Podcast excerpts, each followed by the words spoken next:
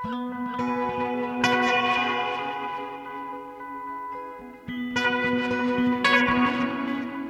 og sæl, kærlustendur, Jóhannes Ólafsson og Halla Harðardóttir hels ykkur hérna úr hljóðstofu Viðsjár mánudaginn 19. júni. Í þætti dagsins Vikingametall og bandarískar bókmentir.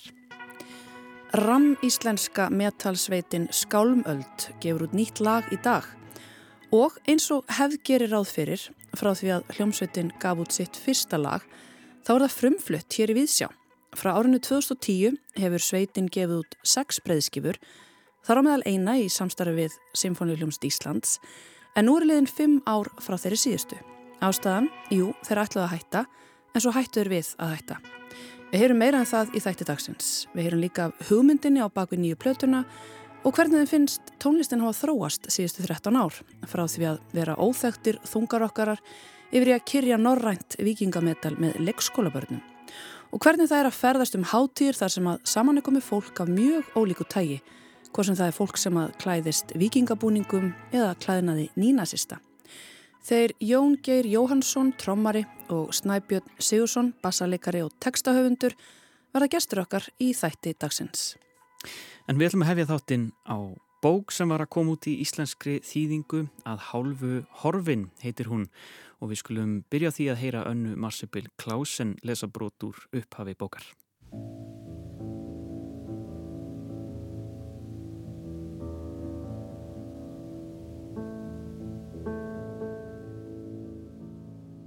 Þetta var skrítin bær. Mallart.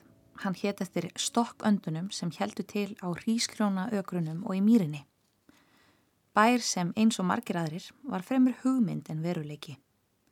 Hugmyndina fekk Alfons de Kjör árið 1848 þar sem hann stóð á sigur egrunum, arfi eftir föðurinn sem eitt sinn hafi stjórnað öllu í lífi hans. Bæ fyrir karlmenn eins og hann sem aldrei yrði litið á sem kvíta en neituðu að láta koma fram við sig eins og blökkumenn.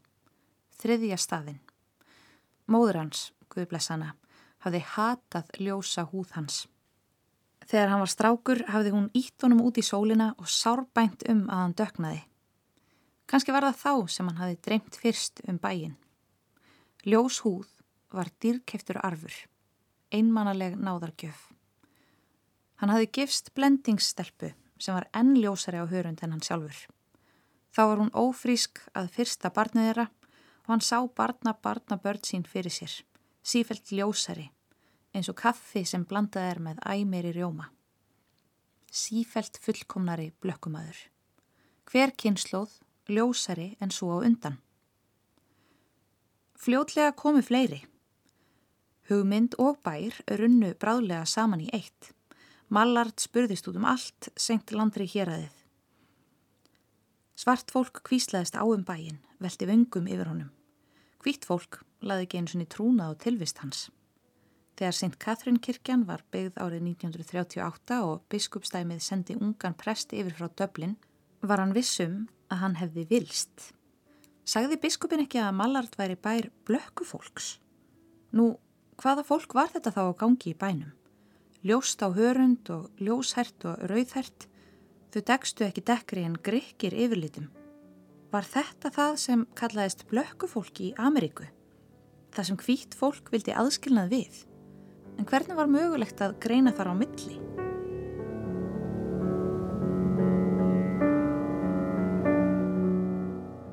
Svona hljóða lýsingin á lífinu í Mallard í Louisiana ríki uppskálduðum bandarískum smábæ sem er sögusvið skáldsögunar að hálfu horfin eða Vanishing Half eftir Britt Bennett. Bókin fjallar um samband fólks af ólíkum kynþáttum og blönduðum uppruna, sjálfsmynd fólks og samkend. Sagan spannar nokkra áratögi, kynnslóða á milli og lýsir vel tókstreitu innan fjölskyldu sem er tilkomin vegna örlagaríkra ákvarana fortíðarinnar. Allt hverfist þetta um tvíburasisturnar Desiree og Estelle eða Stellu Vines og dætur þeirra Jude og Kennedy. Desiree og Stella eru af blönduðum uppruna með fremur ljósa húð Þær taka þá ákurun 16 ára gamlar um miðjan sjötta áratug síðustu aldar að strjúka að heiman, flýja þennan skrítna smábæ.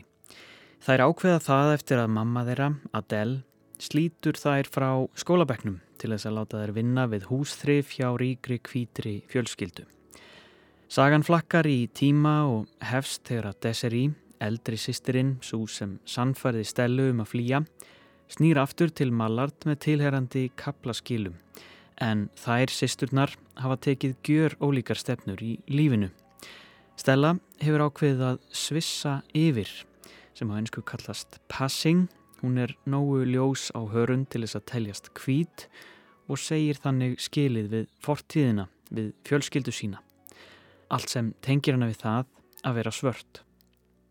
Mallard er smábær þar sem býr aðalega svart fólk með ljósan húðlitt og fólk af blönduðum uppruna. Þar hafa íbúar hugmyndir um húðlitt sem einkennast af rasisma og litarhyggjum, kolorisum eða eins og Desiree segir við eigimann sinn Sam snemma í verkinu. Fólki þar er skrítið með húðlitt á heilanum. Þess vegna fór ég.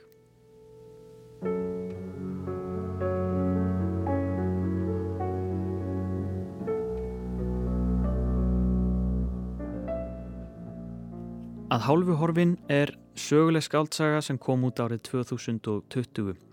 Þetta er önnur skaldsaga Britt Bennett og sló í gegn þegar hún kom út, rataði inn á hinn rómaða New York Times með sölu lista og gaggrinendur hafa auðsið hana lofi. Og HBO, sjónvarps stúdióið, hefur nú eftir mikinn slag við nokkur önnur stúdió keift réttin að sögunni til þess að gera úr henni sjónvarstætti. Bennett gerði það líka gott með sinni fyrstu skáldsögu Mothers og segja má að hún sé rýsandi stjarnar þar Vestanhafs. Bókin kom nýverið út í þýðingu Rögnu Sigurodóttur og hún segir að ímislegt hafi komið á óvart við lestur skáldsögunar. Það sem kom mér helst á óvart, það var kannski bara þetta fyrirbæri sem að er svona eitt af megin þemunum í bókinni sem að er það hvernig uh, svartir bandarækjumenn eru skilgreindir og skilgreina sjálfa sig hverjir eru svartir og hverjir eru eitthvað annað í bandarækjunum sem að er nokkuð sem að þessi bóku segir mjög vel frá og, og hérna, já, það kom svona helsta óvart. Um, að sem sagt uh, þetta eru týpura sýstur og uh, sem eru svartar að uppruna og önnur þeirra velur að uh, gera það sem að kallað að svissa yfir eða passing, passing over. Mm. svissa yfir og lifa lífi sínu sem hvít manneskja. Og þegar maður þekkir ekki þessa skilgreiningu uh, uh, á svörtum þá skilmar ekki alveg ha, býtunum við. Ok, getur hún bara verið kvít hvernig er það hægt?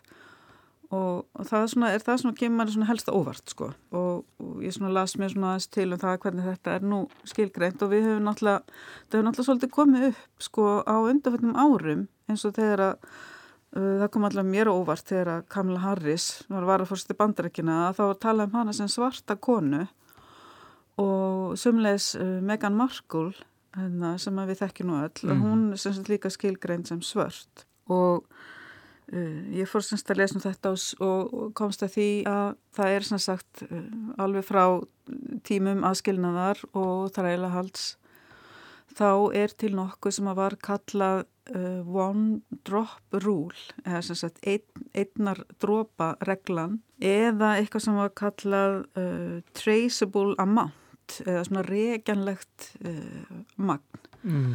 og ef að sagt, fólk var með eitthvað svona einn drópa af, af svartum uppruna eða eitthvað svona reganlegt þá er það sagt, skilgreint sem svart þó sé kannski einn sextandi mm. bara ef það er einhver manniska af uh, svartum uppruna í fjölskyldinjar þá ertu skilgreint sem svart Akkurat. þannig að óháð húðlitt já, óháð, á, alveg óháð húðlitt mm og við, við erum alltaf að flækjast með þessi, þessi orð, húðdökkur og alls konar. Mm en þarna er það svona daldið svona, já, að vera svartur það er, það er ekki bara, alls ekki bara húðlitur og það er líka bara svona félagslegt fyrirbæri Akkurat. í bandaríkinum og þess vegna getur sem sagt hún stella í þessari sögu uh, á hérna sem að hefst þarna á sjötta áratögnum og, og hérna um, það er sem sagt, uh, eru ungar þá og þá ákveður hún að svissa yfir og lifa lífísun sem hvít manneskja og til þess að geta gert það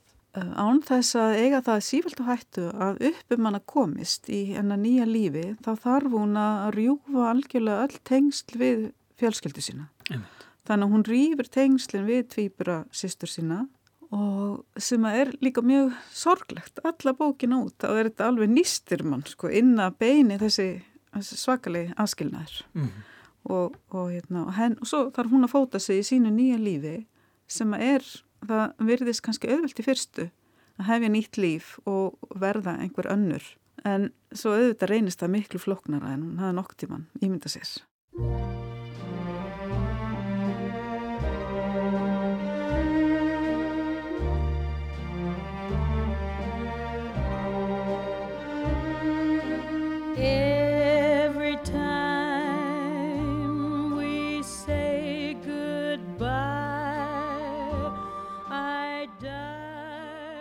Þessi höfundur, uh, Britt Bennett, hún hefur nú ekki skrifað mjög mikið en hún hefur rækilega sleið í gegn í bandaríkjunum og uh, hún hefur ratað inn á þessa stóru metsölu lista sem er mikið, mikið hort til. Uh, hún er búin að landa sjónvastáttasamningi við, við HBO uh, upp úr þessari bók.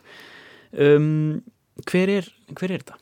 Uh, já, hún er uh, til dæla ung eða bara mjög ung, hún er 33 ára núna, fætt 1989-90 og hún gefur úr sína fyrstu bók út 2016 og sem heitir uh, The Mothers eða Mæðurnar sem hefur ekki verið þýtt á íslensku en fjallar um bara líf ungs svarts fólk í bandaríkunum í dag. Mm.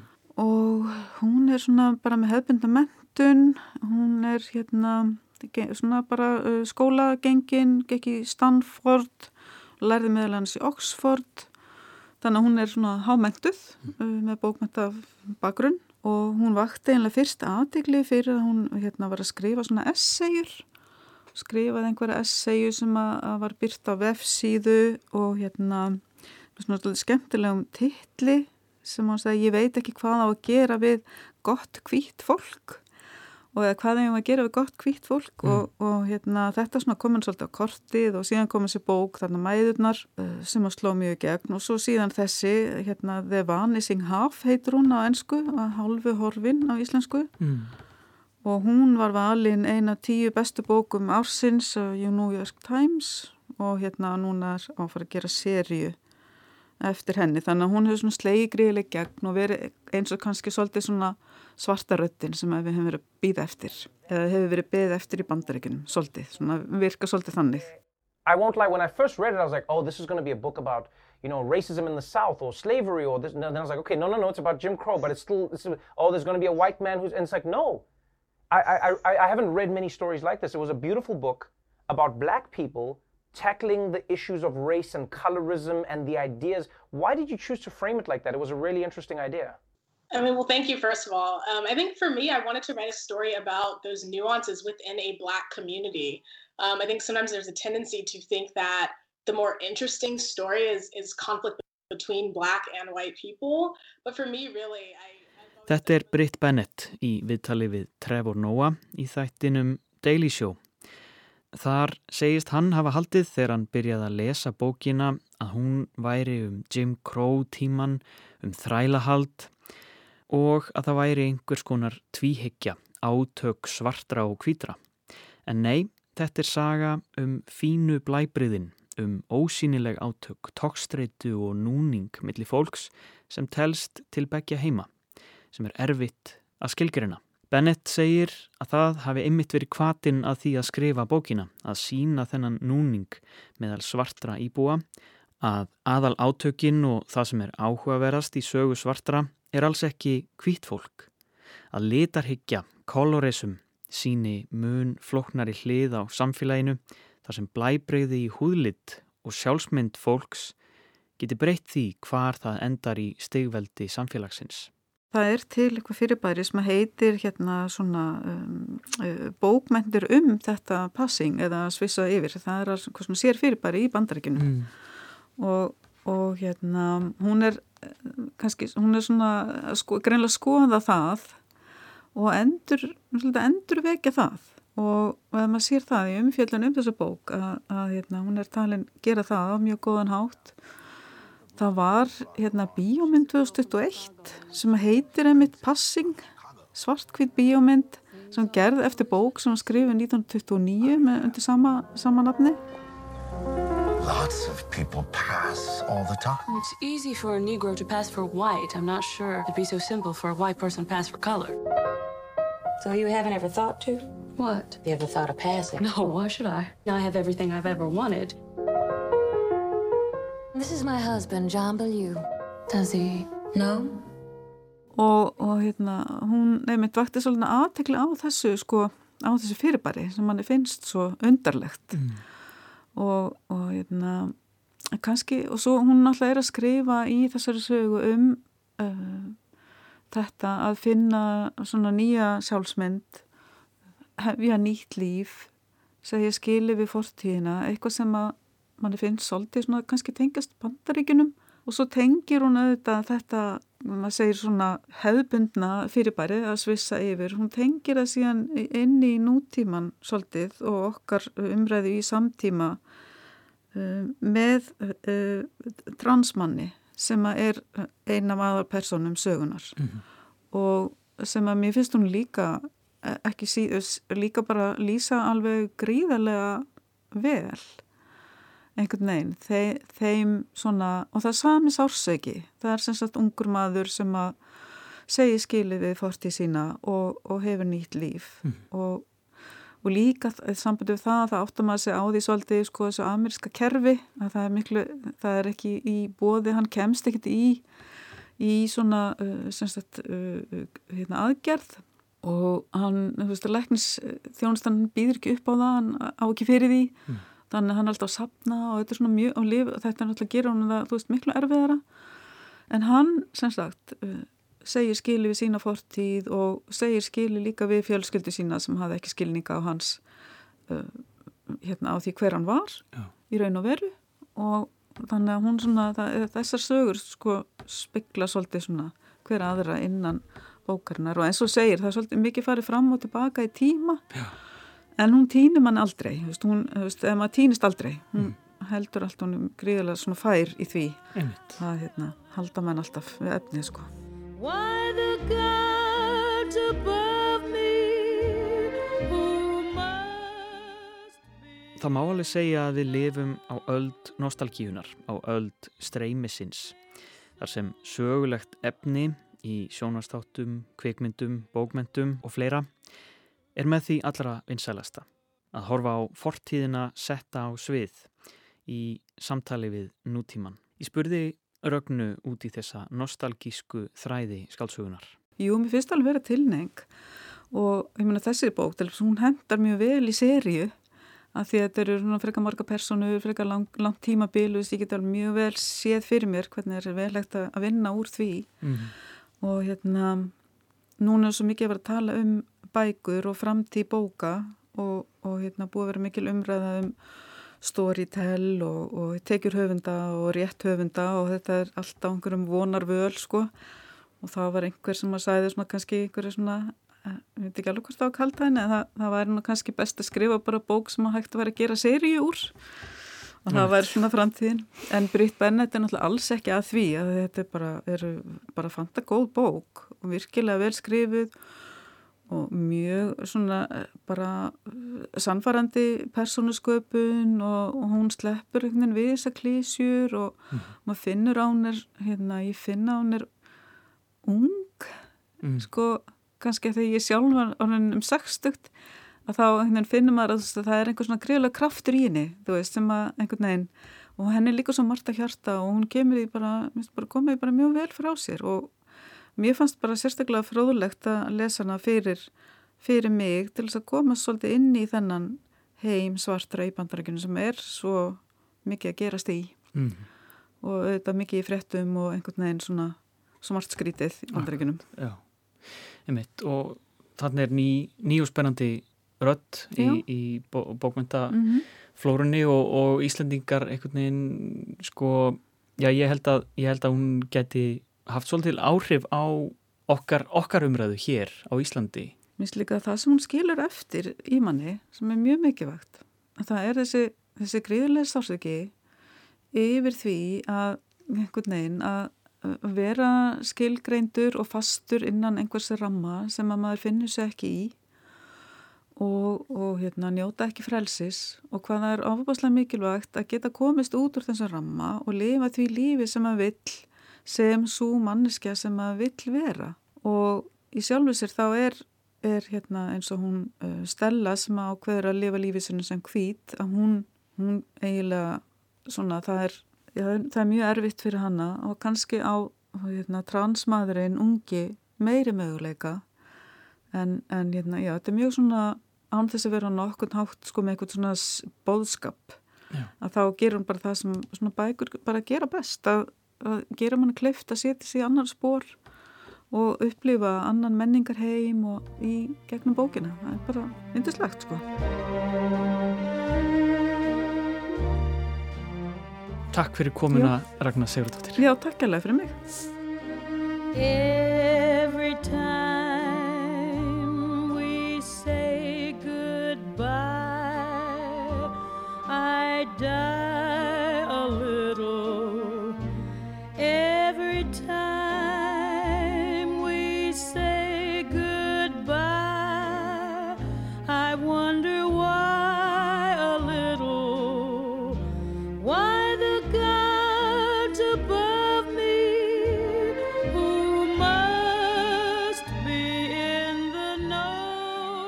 Fitzgerald og lægið Every Time We Say Goodbye. Hér á eftir umfjöllunum skáldsuguna hálfu Horfin, Vanishing Half eftir bandaríska ritthundin Britt Bennett sem kom út í íslenskri þýðingu á dögunum eftir hana Rögnu Sigurðardóttur.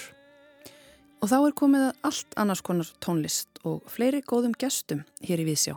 Skálmöld er að gefa út nýja plötu í ágúst en fimm ár eru frá þeirri síðustu. Á morgun kemur fyrsta lægið út af blötunni og eins og hefðger ráð fyrir frá árinu 2010 þá er lægið frumflutt hér í Víðsjá. Þeir Jón Geir Jóhansson og Snæbjörn Sigursson ætla að segja okkur frá þessari hefð, nýri plötu, vikinga, fagurfræði og ferðalögum svo eitthvað sem nefnt.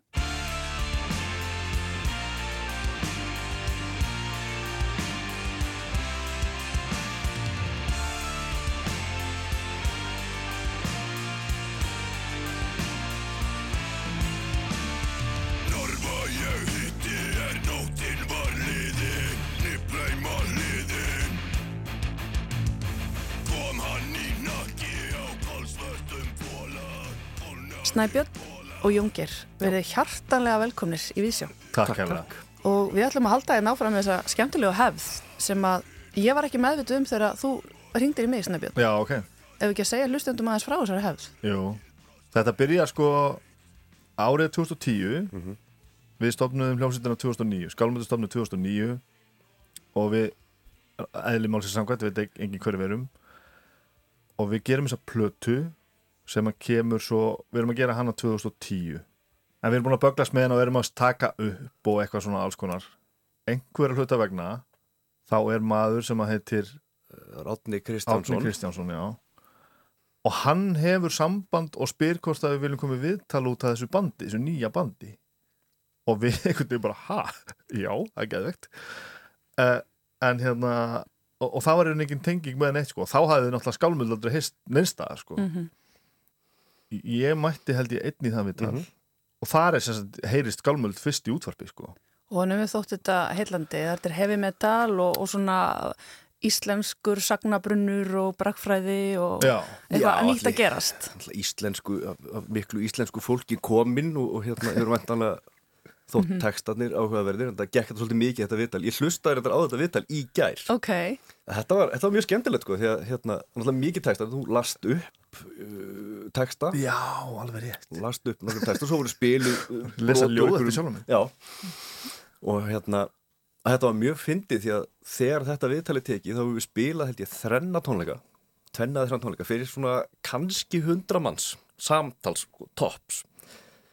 En vorum ægilega sko kókraustir og, og, og, og vorum svo ánæðir með þessa plötu en uh, eins og þú sagðir í þessu viðtali að, að við vorum fullkomlega meðvitaður um að sennilega myndum við aldrei selja nema hugsanlega þessi 500 eindöks voru prentu þegar myndi engin nenn að hlusta þetta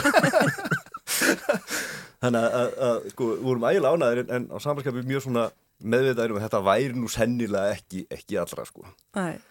það En þetta átti eftir að springa út, heldur betur. Já, og eiginlega bara örfáðum dögum setna held Já. ég, sko, af því þá sprakk hérna í andlita okkur, sko, þá kom þessi plata út, sko, og eiginlega alveg um leið, þá einhvern veginn fór allt á flug. En þetta viðsjáru viðtal þarna upphaflega, það er fyrir allt brjálaði, sko. Já. og okkur þóttir svo skaplega vendum þetta að einhver hefði pikkað þetta upp, þannig að við, svo- kemur út plata 2012 og við sem sagt spurðum hvort við mættum koma aftur, sko, og frumflýta í viðsjá, sko, því okkur þóttir svo vendum þetta. Og það var sem sagt ekkert mál.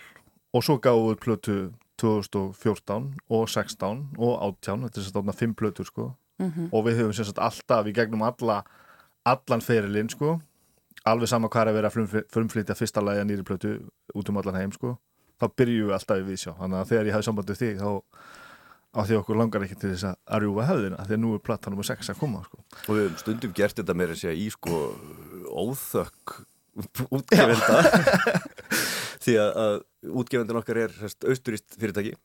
Og það er rosalega strámt úst, fyrsti singull kemur út þennan dag og þá er bara alheims frumflutningur bara já en við hefum bókað í viðsjá sko En, en hvernig kom það til að, uh, að hérna, þeir eru gefnir út í Austuríki? Uh, sko, upprunlega útgáðu fyrirtæki okkar var uh, tull í færiðum. Við fórum með blötuna á, á hérna flesta svona íslenska útgefundur og það var ekkert sérstaklega vel tekið í okkur, kannski skiljanlega, en, en hérna tull tók þetta að sér og, og gaf þetta út og stærsta nafni hjá tull svona í þessum gera var Týr.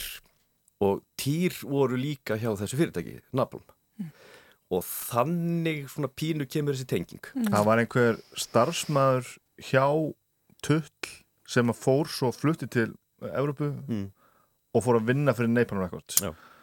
og þess vegna fóru týr þangað og í gegnum það Kristján Já. Blag og þann mann þá fengum við kontant þangað Mhm. og gáum út taskana í rauninni kom fyrsta platan út fyrsta tull og svo aftur á Napalm sko. Og er, er þessi sena, þessi heavy metal uh, sena daldið sterk í Austuríki eða? Þetta Þískalands baseraða allt saman, þessi, það er svolítið þunga miðan sko. fyrir utan alltaf Þískaland er svo ógeðslega stort og það eru svo margir og marga borgir sko, að það þrýfst eil allt þar en já, það er rosaleg svona þungaróks menning þar sko. Mhm. og þegar við til dæmis túrum Evrópu þá er Þískaland alltaf svona einhver kjarni Mhm. mann líður svolítið eins og maður sé alltaf svona skjótast frá Þískaland og koma aftur, kannski tvo mánuði eða eitthvað En hvað ætli gera það að verkum að, að þessi menning er svona sterk þar? Ættur þetta að tala um þetta? veit það ekki, sko, þetta er hérna uh, það er einhver rosaleg uh, svona uh, fantasíu larp þungarokks hefð, sko og þetta góðsagna uh, dót allt. Ég veit það ekki, er þetta ekki bara sama ástæðan og þeir elskuðu nonna og manna, er þetta ekki bara eitthvað svona þú veist? Þeir- við, við erum eitthvað exotísk. Já, Norðurlönd það er eitthvað þetta, þetta norræna þeim Já. finnst það rosa, rosa skemmtilegt sko. það er alveg vikingaháttíðir sko, þú veist, við spilum ofta á einhverjum mjög skrýtnum og skemmtilegum festivalum þar sem að er bara, fólk er bara að vera vikingar í viku. Já. En það er, sko, það var mjög fyndið að þegar að við gerum hennar samning þá báðum að fá myndir af hljónstinni og við sendum hljónstamyndir og á þeim tíma vorum við ekkert sérstaklega góðir í því að- vera þungararsljónsveit svona útlýttislega séð. Og, og þarna fengum við tilbaka bara það er bara einhverju menn í gallabugsum og bara tveir með gleru og bara er, við viljum fá myndir af ykkur eins og er inn í kápunni og plötunni. Bróðum við var í törtlesból manni, þeim fannst það ekki töff sko. og inn í sko kofurinu á, á Baldri er rosalega miklar vikingamyndir og við erum ekki á neinum aðeim sko. Mm. þetta er bara denni vinnur okkar. Hérna, bera ofan og alblóður með öksi og eitthvað og við sem bara nei, nei, nei, nei því, við erum ekki að fara í eitthvað grímubúning sko. Og þá heyrðu ekki dýðin í þrjár vikur og við þessum, að ok, þetta er, þetta, er- þetta er bara off en svo höfum við samband aftur og bara, ok, hvað, hvað viljið þið gera þá kannski tókum við glerugun ofan og fórum aðeins meir í svart en sko allt í kringum okkur í þessari senu eru menn bara í grímubúningum sko. Já, það er rosa mikið bara, Já. það eru loðfeldir og, og ringabrynjur Á sviði, og, á sko. sviði sko. Já, Og- er það? Já, þetta er rosa mikið leikus oft sko En var það þá svolítið útgáðu fyrir þetta sem ítt ykkur í þessa átt Ó, já. að vera á þessum slóðum? Þau þessum vildu það víkingaslóðum? rosa mikið, já. Þau vildu selja þessa ímynd að við værum alveg, sko. Fannst aðeinslegt að við værum frá Íslandi sem var Mhm. rosa svona, þú veist, authentic, sko, svona ekta. Og vildu endilega við kemum alveg, helst bara með hjálma og hot, sko, alveg. Já, einmitt. En við einhvern veginn vorum aldrei til í það, sko. Þið, Við- voru, þið, þið eru ekki á þessum vikingaslóðum, það var ekki þannig að þetta væri þessi veröld heillað ykkur eitthvað sérstaklega að þið eru meira bara að sækja í þennan sagnabrunn. Já. Eða hvað? Þegar ég, uh, uh, Svona ég sem nú alla textana, sko. Já, Uh, já, í upphafi er þetta, sko, mér fannst bara svo skrítið að það væri ekki búið að gera, sko, þetta er þetta, þetta, þetta umfjöllunarefni smellur rosalega vel að þessari, þessari tónlist. Hafa hátt og syngja saman og þú veist, fara á dreppjökun og ófreskjur og eitthvað svona alls konar, sko. fullt af sverðum Alls konar sverð. og hérna, þannig að þú veist, mér fannst pínu skrítið að væri ekki búið að gera þetta einhvern veginn um, meira svona, það margir gert þetta áður, sko, ég er ekki að segja að ég hef verið fyrstur að þessu, en til sko og blandi þessu svo saman við sko brakfræðin og allt saman, einhvern veginn þetta rithmíska og þetta gamla og einhvern veginn, þannig að það var einhvern veginn grunn hugmyndin, sko pappi las fyrir mig Hobbit og pappi kendi mér að yrkja og pappi kendi, þú veist, þetta góðafræðin kemur svolítið frá honum, bara svona almennt, bara þetta er nú skemmtilegt og, og frábært. Og svo bara spila ég D&D og hef gert svo því að ég var úlingur, sko. Mm. og þetta bara bara tolkiðin og D&D og, og góðafræðin og Íslendingasjóðunar hærðist bara saman í einhvern svona graut og var bara skemmtilegt yrkisefni sko. Mhm. fyrir utan það að þú eru að útskýra fyrir hlustundu hvað D&D er. Dungeons and Dragons, Já. spunaspil Einmitt. Já, ég, sko núna er ég 45 ára sko með vikulegt hlaðvarp um D&D sko, þannig að þetta er ekkert grín sko. Mhm. uh, hérna uh, hvað var ég að segja? Já, að, því að líka sko ég, þegar við ætlum að fara að búa til hljómsveit og fara að yrkja texta ég veist ekkert um hvað ég átti að yrkja ég, ég er, er ágættist textasmiður en ég er ömurreitt ljóðskáld sko þannig ég, ég fæ ekki svona einhvern, einhvern svona hérna, einhvern innblástur af því að ég sé fallegan fugla á flugi eða eitthvað sko, það gubbast ekki úr mér hérna, að lækurinn hér eitthvað, lækurinn eins og lífið eitthvað, nei, nei, ég er ekki þarna sko. Mhm. Þannig, að- og alla plötunar eru til dæmis sko, sögur, þetta er alltaf konceptplötur sko, eins og platan sem, að, sem að kemur út núna í ágúst er, er, er saga sko, heil, heil hérna, samhangandi saga, eins og Mhm. allar hinnar og undan sko. Áður fyrir mig verið nýju plötuna og svona hvernig Mhm. kannski tónlistin er búin að þróast í þessi 13 ár síðan að fyrsta platan komin út. Það langar mig ekki alveg að skilja við þessa vikingafæðafræði vegna þess að við vitum það að það hafa alls konar uh, misgáðar hópar, uh, Mhm. þjóðurinn sinnar öfgahópar, reynd að tengja sig við þessa fæðafræði. Misgáfaðir, já, náma það Sko, hvernig hafið þið upplifað það? Við höfum alveg fengið, fengið alveg slatta þessu til okkar sko. já, já. Um, og alveg lögin, músíkin okkar hefur alveg verið notuð í einhverjum svona tilgangi sko. Um, við höfum oft tekið þann pólinn í hæðina þegar þetta poppar upp á síðunum okkur og annað að, að, fela það ekki sérst, ekki eigða því heldur einmitt bara sko targeta og, og, og, og Mm. útskýra bara, nei, nei, þetta virkar ekki svona Við erum ekki þarna. við erum ekki þarna og, og, og bara og bara þetta móti sko. og, og bara sína fram á hvað þetta er í fórhóttu heimskulegt sko. að, að hérna Þetta lítur að vera svolítið skrítið að það sem að þú skapar skuli vera nýtt í einhverju svona, í svona samhengi. Já, já, það er, það er það sko en það er samt alveg viðbúið held ég sko uh, en maður þarf svolítið að kunna held ég að taka á því og taka við því sko. við, við, já, eins og Jón var að segja við, við tökum, við höfum alltaf tekið svolítið þessa afstöðu frekar að sko að svara heldur en að reyna að sko þegja Mhm. og þú veist við höfum alveg sendt frá okkur yfirlýsingar sem að bara, þú veist langt síðan þurfti að gera þetta síðast, við hristum þetta einhvern veginn af okkur sko Mm. En ég meina það voru alveg, alveg ný nazista hópar fættir að mæta tónleika þegar við vorum að spila úti og svona sko, það var oft pínu óþægilegt sko, bara að sjá, sjá bara hópa af, af af fólki standa og bara snóða rakað aftast í salnum sko, með krosslaðar hendur. Og deila sér í takt. Já.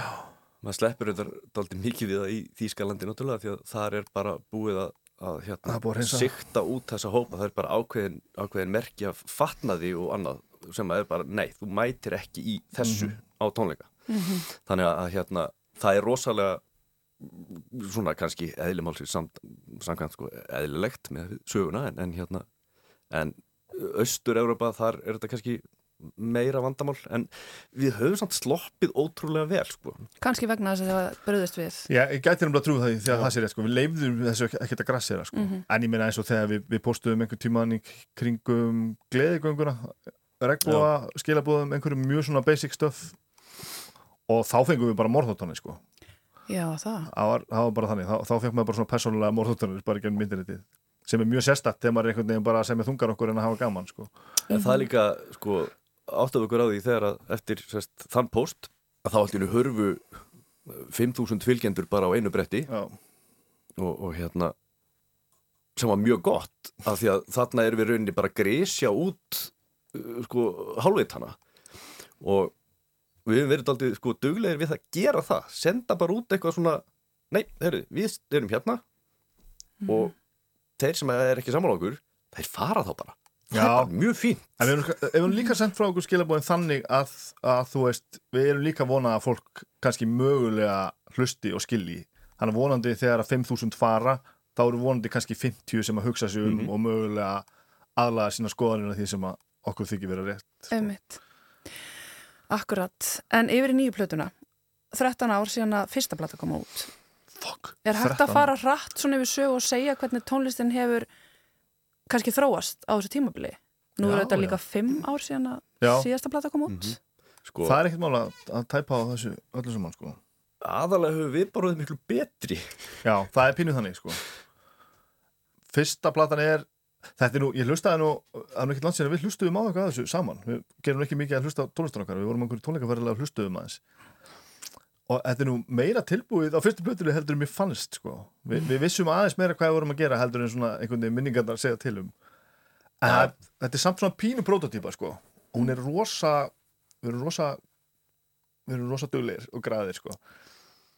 Já, það er samt bara sko geta okkar sem hljóðfaraleikara Já, hefur ég held að það sé nú kannski stóra aukist alveg gríðarlega sko. ég vissi ekkert hvað ég var að gera á þessari fyrstu blötu sko. Það er rosa svona bara það sem við vorum í höndunum og það gerðum við þetta bara og það er rosa gaman. Mhm. Á plötu nummer tvö sem heitir Bottle Loka, þar ætlum við að gera allt í einu og þar ætlum við að vera rosalegir sko.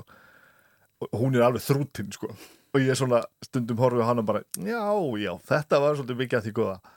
En það er nú mikið, það er svona fan favorite plata sko. Það er mjög margir hefnir af þeirri plötu, þannig að mjög mörg lög af þeirri blötu sem að eru uh, föst á programmin hjá okkur sko. og svo textasmíðin hjá mér og svona, ég stundum horfið við það og bara, já, já, rólegur, slaka þess á það er búið að gera aðeins svo mikið með strákinn og að fara að monta sig eitthvað og svo kom þetta í middeltíðinni sko, sinfoníu tónleikarnir Eftir- og, já, eftir plötu númer tvö. og hérna uh, trúðaleikús í borgarleikúsinu og, og, Já, þá vorum við konar. bara orðið, orðið bara svona mainstream Mhm. popband á Íslandi sem var mjög áhugavert. Já, ég man eftir að hafa heyrt á sko leikskólabönnum syngja skálmaldur texta sem er frekar merkilegt. Það er mjög gaman sko. Ég er mjög ánægð með það allt saman. Af því að ég held að það sem eitt af því sem við höfum gert vel var það að við vorum ekkert að reyna að halda neinum frá okkur sko. Mm. Þú veist, það er svo, það, e, va- sérstaklega var og það hefur nú kannski breyst svolítið ríkt í e, svona þessum jaðar senum bara, að þetta er nú ekkert fyrir þig sko, þetta er svolítið þungt sko. Á meðan að við einhvern veginn bara, ég meina, okkur finnst þetta bara geðið og ef að þið finnst þetta skemmtilegt þá er það frábært og ef ekki þá bara nær það ekki lengra sko. Mhm. Þannig að ég heldur um svona gefi fólki líka svona aðgang að okkur sko. En svo er sko, svo kom kemur með vættum, hún er ægilega hrá þannig að þetta er unni, allar plötunar okkar eru einhvern veginn pínu ansvar við plötun og undan. þannig að við hlustum á plötun og undan og bara að við ætlum ekki að gera þetta og, og þá þurfum við að finna einhverja, sko, einhverja nýja leið. Platan og eftir með vættum er, er alveg ægilega svona póliseruð og, og hérna stórar próduksjónir og annað alveg þver auðvist við, við hana, hana en núna erum náttúrulega bara svo langt liðið frá síðustu plötu að, að við gátum kannski pínu farið inn í þetta með bara svona pínu aukt blað Mhm. En eru þið búin að vera virkir í allir þessi fimm ár? Hafið þið verið að Nei, hittast og æfa og svona? Við náttúrulega sko hálfóri áður en að að faraldurinn skall á þá bara gáðum við það út að við ætlum í pásu og við heldum bara lokatónleika í gamla bíó Já. og tókum það bara upp og gáðum út bara með pomp og prækt og, og rosa fancy liveplata og bara sögum nú ætlum við bara kvíla, kvíla okkur því við vorum bara átnið svona pínu út, út svona, oddi svolítið þunnir á þessu sko og svo bara 25 minnir setna þá var bara heimsfaraldur og öllu skellt í lág sko. þannig að við hittum akkurát á það að- starta heimsfaraldurinn Þurftum ekki að cancela neinu Nei, og meðan að vinaböndin okkar voru sko, við áttum nú eina ein, eitt vinabandi okkar flög nú út til bandaríkjana spilaði eitt gig, ætlaði að vera að túra í sex vikur og flög beint heima aftur. Það voru margir peningar sem fór í súin þarna út um allt, þannig að við tókum Mhm. þessa pásu og alveg bursið frá farandarinnum ætluðum við alltaf bara að vera í þessari pásu. Þannig að við slögtum alveg á á, á hreflunum sko. Hvað lengi, hvenær, hvenær fórum við að tala saman aftur? Uh, það var ár. Plani var að, að, að bara kæla þetta þanga til við fyndum á okkur að við þyrtum að gera þetta aftur. Og það, fyrir sum okkar var það bara þrýr mánuður og þá vorum við algjörlega brjálæðir. Það var ekki ég. Ah, en, en svo þegar að hérna, hlutir fara komast aftur í gang eftir, eftir COVID að þá tökum við eitt gig. Já.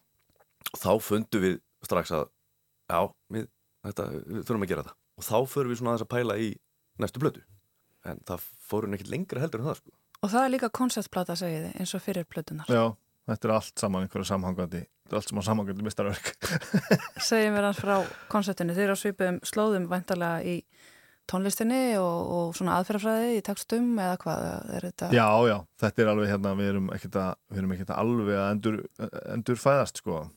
Þó að reyndar, sko, þessi pása gerða þetta verkum allavega hjá mér, að það var svona pínur ísett einhvern veginn. Það var rosa gott að fjalla þess þetta svona mikið að koma að þessu aftur. Við erum, nú fer ég bara eitthvað allt annað, heldur hún varst að tala um. Að Við, við, erum sex saman búin að vera frá upphæfi einhvern veginn og einhvern veginn að geta, geta sko allir fjarlagst þetta og komið svo bara allir sex aftur, búin að gera þetta, þú veist, í, í að vera 15 ár, það var svolítið magna að koma að þessu þannig, þannig að það sem þú varst að segja á hann með sko að við erum alltaf að svara síðustu plötu það einhvern veginn gerist ekki núna þannig að Mhm. því leiti upplifi ég þetta ferli öðruvísi sko en að því sögðu þá bara var til einhver saga og við fylgdum inn í, inn í, inn í kablana og hvert lag segi bara kabla í sögunni sko Og hver er sagan? Megum við segja hvað platan heitir það? Já, já, hún heitir Ídalir Já. Ég meina það, það er komið á netið hvort þið er Já, það er þetta leikið allt saman okay. Ég held þetta ég var að lindu það, já, það Feng, gott. fengum, fengum eitthvað styrk já, að já, það- já, hérna. já. já, platan heitir Ídalir og hún segir af manni sem heitir Ullur, eða Guði sem heitir Ullur sem er til semast í, í, hérna, í góðafræðinni lítið um hann fjalla í góðafræðinni og er stjúpsónu Þórs og hann býr að Ídölum í Ídölum, á Ídölum. Að í... Já, passaði þig. Já, og þessi hugmynd einhvern veginn fættist bara þegar að spila tölvuleik sem að þetta kom eitthvað fyrir. Og hérna og spila God of War það komið þeim bara frá mér ég stali svo þaðan sko svona erlendi blaðamenn alltaf bara já ég hérna googlaði þetta og komst að því að þetta þessi er getið í hvað var allir mis þetta? Það var einhver spurning einhverju við Já, já. grímnismálum Já, já, já, jú. og ég, Það er miklum áhrifum frá grímnisbólum bara. Að ég var bara að spila God of War en ok. Og, og hérna og mér er alltaf fundist þetta gaman þegar ég er að búa til texta í sambandi við um, goðafræðin og svoleiðis að taka kannski eitthvað sem er svona nefnt og svona stækka kannski. Og, og ullur er sem sagt Guð sem gott er að heita á eh, hann er mikill skíðamaður og bókfumi hetja. Þannig að það er mikið að skíðum og bókfumi á þessari plötu. Guð skíðaskot fyrir mig ah, Já. Þannig að þetta er Þeir sag... eru komnir svona yfir íþróttirnar Já, aðeins. svo við erum að hitta nýjan markup og svo er einhver sagasög þarna nýðhöggur kemur hann sem, sem vondi kallinn sem að hérna kvílir undir yggdrassinum og, og, og svo er örnir sem, sem að býr í toppi trésins og þetta er svona einhver barátt á milli. Nýðhöggur kemur og hrekur ull í burtu af, af hérna heima frá sér. Og inn í þetta blanda svo allar örlaga notnirnar og hitt og þetta. Þannig að þetta er sem sagan, þetta er, já, þetta er svona eitt reynda gerðu við að þú veist að tala um hvort eitthvað sé nýtt. Uh, þegar við byrjuðum þá var Böbbi Björgvin alltaf, hann er söngvarinn í hljómsýttinni og þegar við fórum inn að taka fyrstu plötuna þá, þá vissum við að hann myndi syngja. Og Gunni var nú, hann var nú eitthvað komið með einhverja rættir þarna.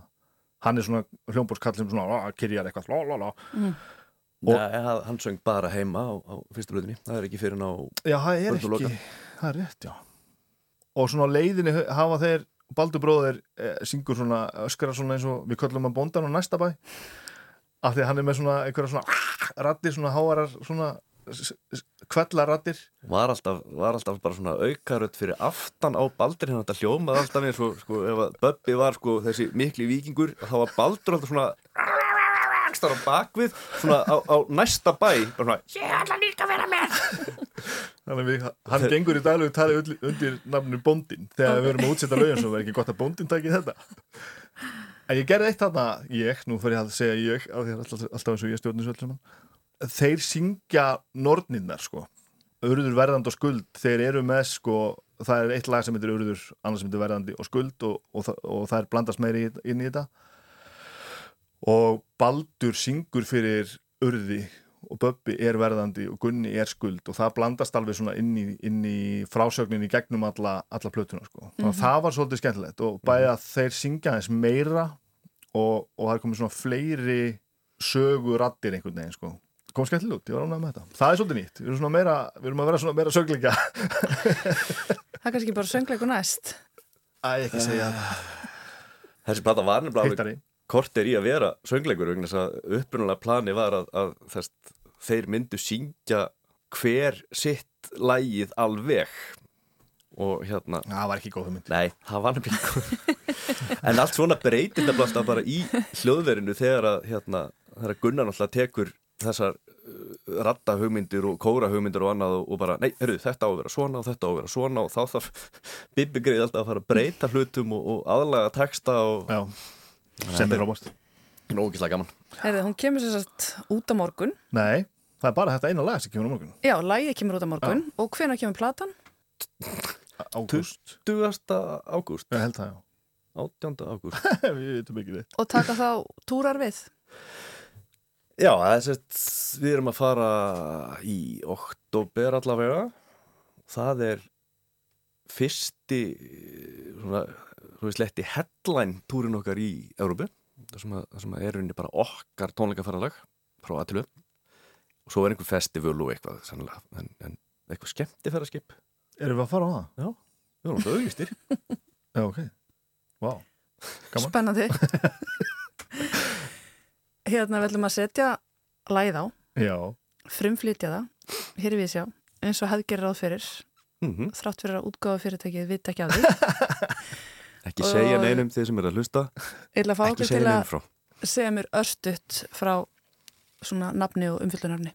Lagsins, Já. lagið heitir Ratatorskur og það er fjallar um íkordan Ratatorsk sem að hefur þetta hefur þetta um, hlutverk í góðafræðinni að flytja skilabóðun á milli Arnarins sem að táknar svolítið því góða í alheiminum kringum Yggdrasis náttúrulega hérna, hverfast allir heimarnir nýju og það allt saman og þetta er svolítið svona hið algóða og, og nýðhaugur niður í drekin er svolítið hann er svolítið hið alslæma.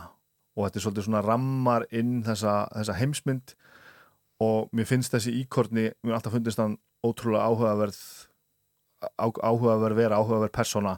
Að því að hann er óbúslega hlutlaus hleypur um allt einhvern veginn og passar upp á að allir viti örgulega hvað hinn er að hugsa og segja sem er mjög áhugaverð staða og kannski eitthvað sem við mættum alveg gera stundum meira af sko. þó við séum ekki sammála þá ættum við samt að hlusta